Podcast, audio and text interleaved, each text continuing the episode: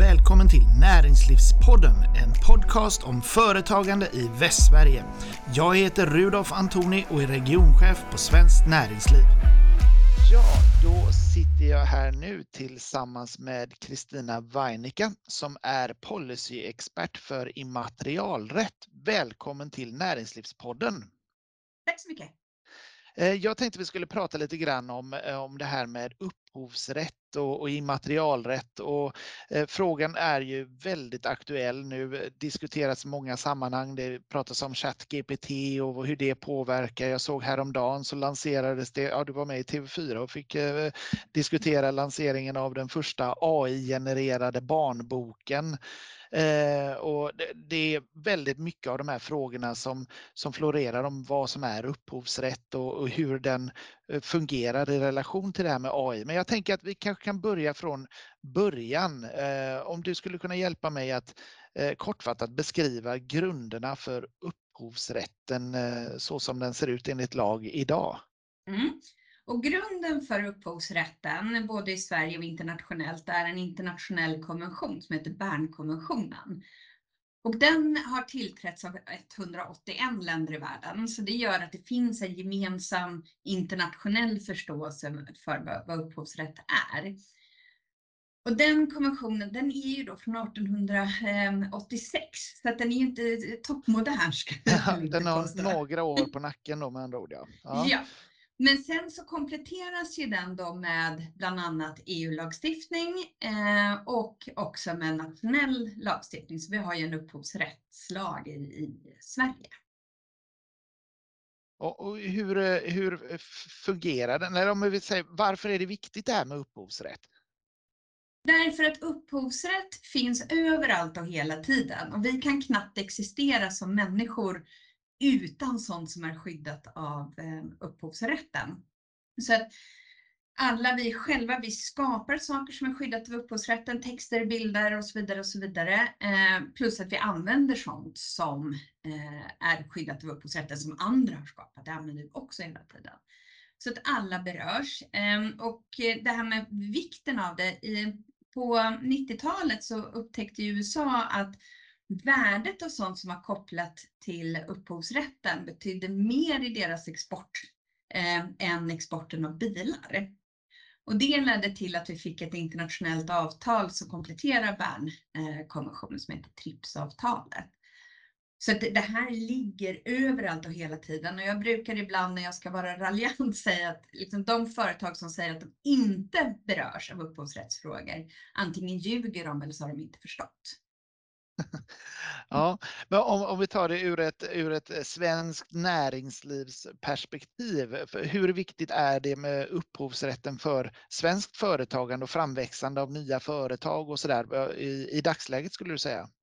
Nej, men det är otroligt viktigt. Vi har ju hela branscher där allting kretsar kring upphovsrätt och då tänker vi förstås här film och musik och datorspel och så vidare. Men liksom hela liksom, arkitektursidan är ju också upphovsrätt. Hela IT-sidan när det gäller datorprogram är skyddad av, av upphovsrätt. Så det gör ju att upphovsrätterna finns verkligen överallt. Och alla konsultföretag, alla konsultrapporter eh, och så vidare. Eller så gör du någonting som visserligen kanske är supertekniskt och inte kanske träffas av upphovsrätten, men så skriver du en manual. Och då träffas den av upphovsrätten. Eller så har du en hemsida och då träffas den av upphovsrätten. Ja, så det, det, det är viktigt för de enskilda företagen. Men eh, skulle du säga att om, om, eh, om upphovsrätten inte skyddade, eh, om, om inte mm. jag hade någon rätt till det jag skapar så att säga, skulle det minska incitamenten att skapa nya produkter och lösa, nya, lösa utmaningar på nya sätt och, och där? Tror du det? Absolut, för det, det som man får via upphovsrätten det är att man får en ensamrätt. Så man får liksom som ett litet monopol till det man har skapat. Och det leder ju till två saker. Det ena är att det leder till kontroll, det vill säga att jag får bestämma över hur det ska användas. Och när jag har kontroll och kan bestämma, då kan jag också sluta avtal som handlar om pengar. Det vill säga jag kan sätta villkoren för hur andra ska få använda. Och det betyder att det är ju avgörande då många gånger för pengar in. Och pengar in är ju trots allt det som företagen lever på. Mm, mm. Det är klart, det är, är ju en, en bra, bra motivation att, att göra Mm. någonting, att man vet att man kan försörja sig på det eller till och med eh, bli rik på det. Ja. Eh, men, men själva upphovsrätten tänker jag, jag är, kanske som gemene man i den här frågan eh, har ju någon slags uppfattning om, om att upphovsrätt är kopplat till eh, originalitet, att någonting Mm. är unikt och så. Eh, vad, vad är egentligen originalitet och hur originell måste man vara för att kunna ha upphovsrätt för någonting? Mm. Och den frågan är ju, den är helt avgörande, för är någonting inte originellt, typ som om jag skickar ett sms till min man och säger så här, glöm inte att köpa mjölk. Det är ju inte originellt. Ehm, så att kravet på originalitet är det som är skyddsförutsättningen, att det här monopolet liksom, till det som är skapat ska, ska uppstå. Och vad originaliteten är, då måste man se liksom så här, vad är upphovsrätt? Och upphovsrätt är, tanken är att det ska skydda intellektuella prestationer. Det vill säga det som, som, som någon har tagit av sin personlighet och, och gjort till en text eller bild eller vad det nu är för någonting. Så att originalitet handlar om att den som har skapat har ställts inför olika typer av val. Ska det vara rött eller blått? Ska det vara ett och eller ett sant? Eller ska det vara raka streck eller kurviga streck eller vad det nu än är.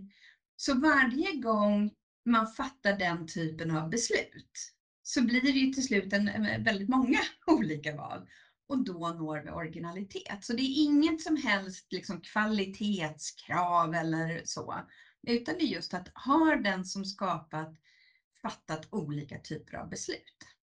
Mm. Eh, Du, du är, eh, kommer ju från, från den juridiska sidan av, av det Mm. här och jag, jag, jag ser ju en mängd eh, hål och luckor i det här bedömningen kring vad, om någonting verkligen är originellt. Det måste ju vara eh, otroligt svårt att göra den typen av avvägningar, eller hur, vad säger du? Nej, men det är ju jättesvårt och, och det kompliceras lite ytterligare av att i svensk rätt så var, är ju det här inte lagreglerat, så det står inte i upphovsrättslagen. Och vi hade en, en omfattande svensk rättspraxis, för det var ofta det här man bråkade om i domstol när det gällde upphovsrätt. Och här är det nu så att det här har blivit EU-rätt, så nu är det EU-domstolen som bestämmer. Och det gör ju att det kanske blir svårare och svårare för oss att liksom spontant liksom känna att ja, men så här kommer EU-domstolen döma. Mm. Och, och det här handlar ju, alltså, om vi ser på rättsfall som handlar just om originalitet från EU-domstolen så handlar det ju om allt från smak på ost till utformningen av hopfällbara cyklar. Okej, ja. Eh, Men eh, bara för att göra det här lite mer komplicerat då, eh, så eh, har vi en teknisk utveckling som eh, rusar framåt i full fart. Eh, Och vi inledde ju lite grann med att nämna det här med artificiell intelligens. Eh, Och generellt sett eh, så, så är ju det, om man eh, grovt förenklar det, så är det ju så att artificiell intelligens genererar innehåll, om det är bild eller Mm. text eller musik. Det kan, ja, det kan ju generera vad som helst, arkitektur. Eh, och den gör det baserat på insamlad data, fakta, bilder som redan finns, texter som redan finns. Utgår från det för att generera någonting nytt. Och då kommer ju frågan, hur ska man bedöma det? Vem är det som är upphovsman eller kvinna till ett sådant verk? Mm. Och om man hoppar över det här med, med själva liksom vad, vad AI tränas på, för det, det är ju liksom en, en sida av saken, men är det AI som fattar de där avgörande besluten, alltså rött eller blått eller ett och eller ett sant, eh, då blir det ingen upphovsrätt. Därför att det här är ju så upphovsrätten sätter människan i fokus. Det är ju till och med så att upphovsrätten är en mänsklig rättighet enligt artikel 27 i FNs deklaration om mänskliga rättigheter. Så det bygger på att det är människor och är det då AI som fattar de där avgörande besluten? Nej, men då var det ju inte en människa och då blir det ingen upphovsrätt enligt de flesta eh, länder, alltså i de flesta länder i världen. Så det är liksom människan som fattar de slutgiltiga besluten. Det är en skyddsförutsättning. Men sen är ju då frågan det här då när, när man tränar AI, så att vi, vi, har en massa bilder eller texter som, som AI tränas på. Och ofta så är det så att, att det som man gör när man tränar, det är inte upphovsrättsintrång. Så, så, det är liksom fritt fram. Och dels så finns det nya regler i upphovsrättslagstiftningen om, om text och datautvinning som, som är liksom just att vi, vi analyserar stora mängder texter och, och så vidare. Så det är, är tillåtet. Men även annars så täcks inte det av vad upphovsrättens ensamrätt är. Och då skulle problem möjligen kunna uppstå om det som är skapat av AI ligger väldigt nära någonting som redan är skapat. Alltså det ser precis ut, alltså exakt som en tavla som faktiskt redan finns mm. av någon som äger upphovsrätten till tavlan. Eh, problemet är bara det att det, det upphovsrätten skyddar, det är just de här olika valen eh, som upphovsmannen har gjort, inte idén som ligger bakom. Och inte heller det som gör att vi kanske känner igen en viss artist eller en viss eh, konstnär eller en viss arkitekt.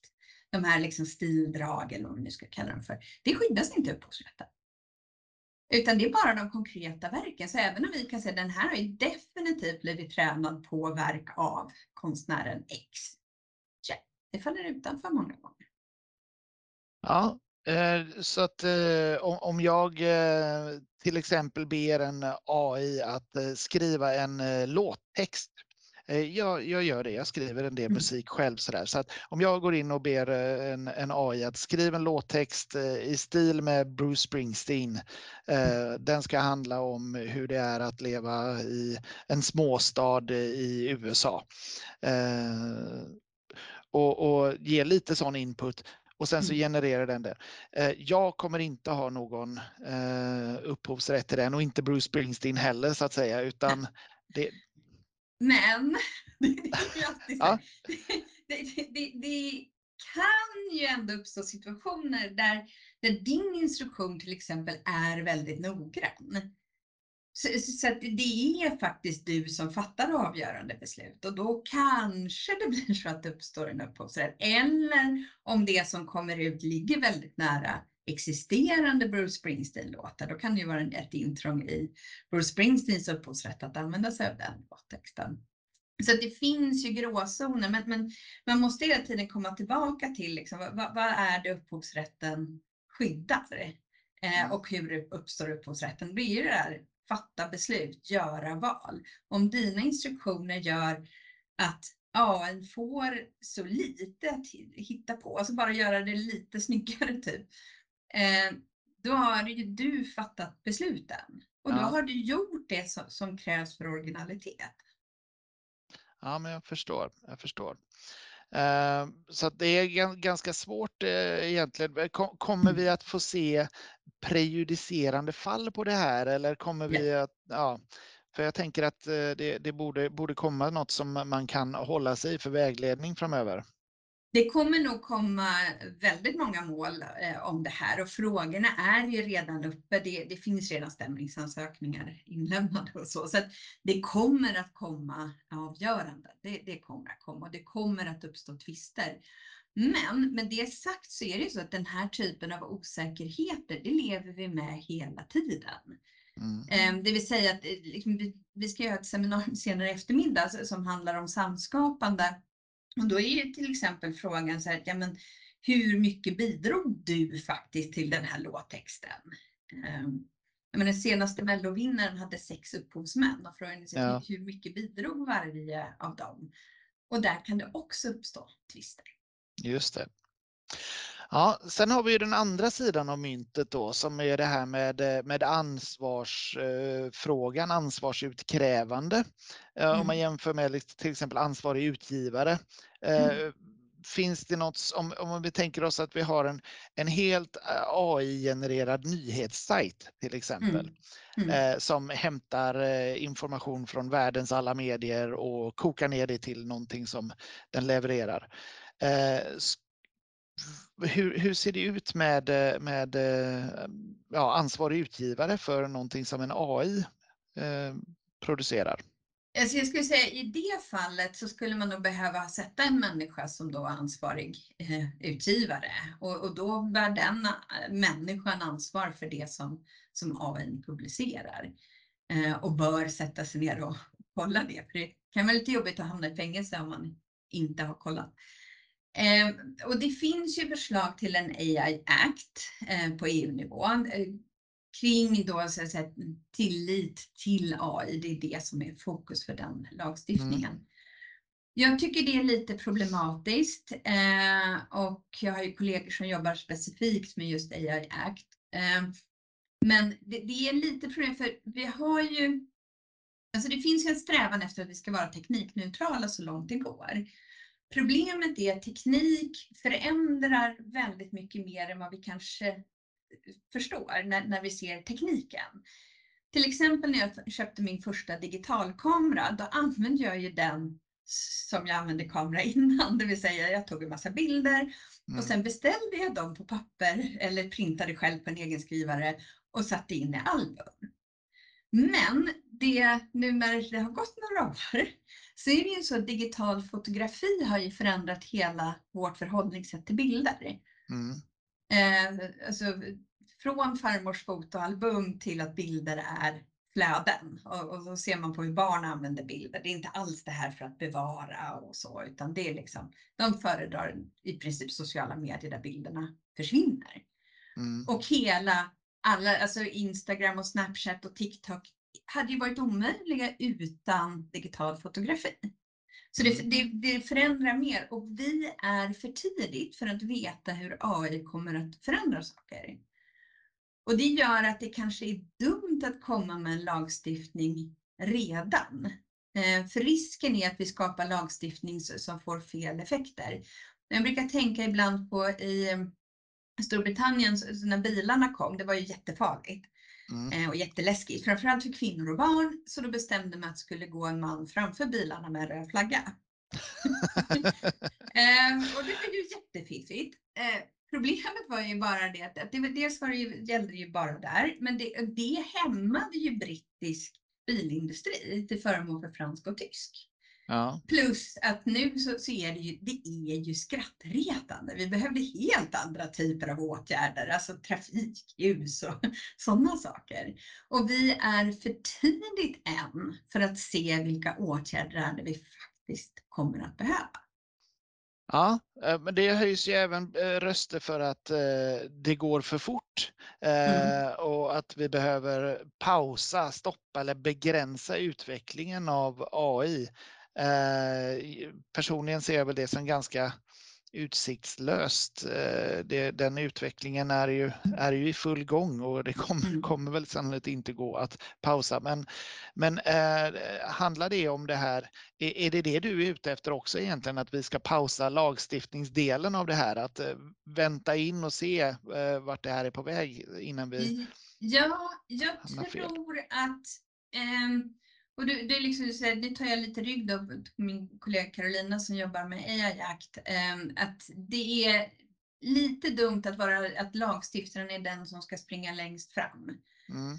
Ehm, för då kanske lagstiftaren försöker lösa problem som kanske inte blir problem. Ehm, och så kanske vi då inte löser saker som vi sen ser blir problem. Så jag tror inte det är så att lagstiftaren ska springa först. Men med det sagt så är det ju så att, att vi ser ju vissa saker så vi, vi måste hålla koll och se på vad är det eh, som händer. Mm. Och vi släppte ju en rapport just om, om digital innovation eh, i februari och där är liksom lite grann av slutsatsen att lagstiftarna ska inte springa först men vi ska inte heller bara låtsas som ingenting händer. Utan vi måste hålla koll på vad det är som händer och göra analyser av vad det är som händer. Just det. Ja. Men om, det, det, här handlar ju om, om en utveckling som går väldigt fort. Mm. Eh, jag tror att eh, vi har kunnat förutse egentligen den här utvecklingen under ganska lång tid, men när den väl mm. eh, ChatGPT släpptes mm. så blev vi tagna på sängen av hur mm. otroligt bra det fungerade. Mm. Eh, hur utvecklat det var. Men eh, ett, ett sätt att försöka blicka framåt är ju att eh, titta på historien lite grann och Mm. då går mina tankar till den här klassiska nedladdningsdebatten och Mm. Pirate Bay-rättegången och så. Vad, vad har vi lärt oss från från den processen som vi kan ta med oss in i den aktuella diskussionen? Eh, dels att det är väldigt rörlig materia, att det, det, folk kan göra saker som de eh, ser att här finns det ett utrymme. Och en sak som man kan lära sig där eh, är ju faktiskt det här med att det tog lång tid att få fram lagliga alternativ. Och då har man ofta målat upp det som att det berodde på att branscherna var sena, alltså film och, och musik. Mm. Um, och det var de i och för sig, alltså de var inte först upp på banan. Men det är ju faktiskt också så att upphovsrätten börjar hos människan. Uh, film och, och, musikbranschen hade ju skrivit så här, men det här ska vi göra, vi ska ge ut skiva, så fysisk mm. skiva. Mm. Och det har de skrivit avtal om att göra med upphovsmännen. Och så kommer en annan teknisk möjlighet. Då kan inte skivbolaget bara säga oh, vi skapar typ något Spotify eller någonting. Utan man måste se vad täcks av våra existerande avtal och hur ska vi skriva om avtalen om det här inte täcks. Och så tänker vi en långfilm där vi har x antal upphovsmän. Det blir jättebökigt. Mm. Så det var inte helt lätt för dem att vara snabbfotade och det var mycket snabbare att liksom, det är lättare att vara snabbfotad för piratindustrin som bara sket i, i upphovspersonerna helt och hållet. Och därmed också drev, drev på utvecklingen. Och vi, jag tänker att parallellen här att försöka mm. pausa den utveckling som sker nu eh, var ju en erfarenhet från den mm. eran mm. att det var, det var bättre att försöka hitta affärsmodellerna för det. Ja. Eh, än att försöka Absolut. bromsa och hindra. Ja, och sen så är det, det vi också kan lära oss är ju att ny teknik omkullkastar eh, hela branscher. Mm. Eh, jag lyssnade för ett tag sedan på en podd om Hultsfredsfestivalen och de låg i ett skifte, så när de började göra festivalen och det, det liksom gick väldigt bra, då var ju de som arrangerade konserter, de var ju inte de viktiga för folk tjänade pengar på att sälja skivor, både artister och skivbranschen. Mm. Men när de gick i konkurs, då hade ju hela affärsmodellen för hela musikbranschen skiftat, det vill säga att man tjänade pengar på konserterna och inte på skivförsäljning. Um, och, och, det är ju liksom så att den här typen av teknikutveckling, det är ju precis det den gör. Den, den kan omkullkasta hela branscher och skifta och man måste se över sina uh, affärsmodeller och fundera på var kommer pengar in? För som sagt, pengar in, det är det företag lever på. Ja, om vi då försöker, det är jättesvårt om man riskerar att alltid framstå som dum i efterhand. Eh, men eh, om du försöker blicka lite framåt, eh, hur tror du att upphovsrätten kommer att förändras under kommande år eller årtionden beroende på hur fort det går? Mm. Och vad är det som driver den utvecklingen i så fall? Alltså upphovsrättslagstiftningen är ju väldigt komplex att ändra i bland annat då, då har vi 181 länder som är överens om Bernkonventionen. Och sen har vi liksom ytterligare regler liksom vidare från det ner till liksom en svensk upphovsrättslag där det är vissa saker som är nationella fiffiga lösningar.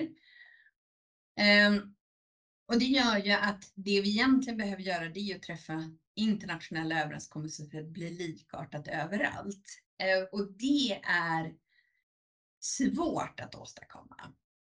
Eh, och jag har ju en önskelista om vad jag skulle vilja se. Ja, för det, det är faktiskt min, min slutfråga här. Eh, är just om du får önska dig någonting av mm. just eh, våra lagstiftare på det upphovsrättsliga området. Vad, vad skulle det vara i så fall? För det första så behöver vi en helt gemensam upphovsrätt eh, inom EU. Och det här är super, superviktigt. För i vanliga fall, så om vi tar annan EU-lagstiftning, så, så tar varumärkeslagstiftningen till exempel. Den är man i princip överens om från A till Ö inom EU. Mm. På upphovsrättsområdet så har man istället valt att göra så att man har 15 olika direktiv. Och de är då genomförda på 27 olika sätt i medlemsstaterna. Och så tar vi då så 15 gånger 27 och så är det lite öar däremellan där just varenda medlemsstat kan hitta på sina nationella fiffiga lösningar. Så vi har en lagstiftning på liksom, EU-området som är, den är fullständigt hopplös. Alltså den är fullständigt hopplös, eh, även för oss jurister. Och det gör ju att min första önskelista, eh, alltså punkt på önskelistan, det är ju EU-harmonisering. För jag tycker det är förfärligt. Om vi tänker oss att vi har en startup i USA mm. och så behöver de undersöka vad är tillåtet enligt upphovsrätten och hur kan jag skriva mina upphovsrättsliga avtal? Då gör de det en gång och så har de hela stora hemmamarknaden. I Sverige om vi har ett, ett svenskt företag så går de till en svensk advokat och frågar sig, får jag göra det här och hur ska avtalen se ut? Och så får de hjälp med det. Och så kommer de på att ah, man pratar ju faktiskt svenska i Finland också. Är vi in på finska marknaden, då måste de börja om igen. Mm. Och för varenda land. Och det här tror jag, med, med tanke på där vi började, att upphovsrätten är överallt och hela tiden. Så det här är någonting som verkligen slår mot EUs eh, konkurrenskraft. Att mm. det är så bökigt. Plus att vi har en massa lagstiftning som inte är teknikneutral. Eh, så vi behöver ju också lagstiftning som strävar efter att vara så teknikneutral som möjligt och som är principbaserad. Så bort med just sådana här konstiga, fiffiga lösningar för just den här tekniken som var populär i några månader på 90-talet. Är du nöjd där? Var, var det hela ja, önskelistan? Ja, det var ganska kort önskelista. ja, det var det. Alltså harmonisering och teknikneutralitet egentligen. Ja. Uh, nej, men det, det låter ju väldigt, uh, väldigt rimligt uh, med tanke på att det ligger i, i, i själva ordet immateriella värden. De, mm. de struntar högaktligen i länders gränser och färdas ganska lätt. Och, och, då gäller det att försöka behålla eh, det som skyddar de värdena mm. eh, så gott det går såklart.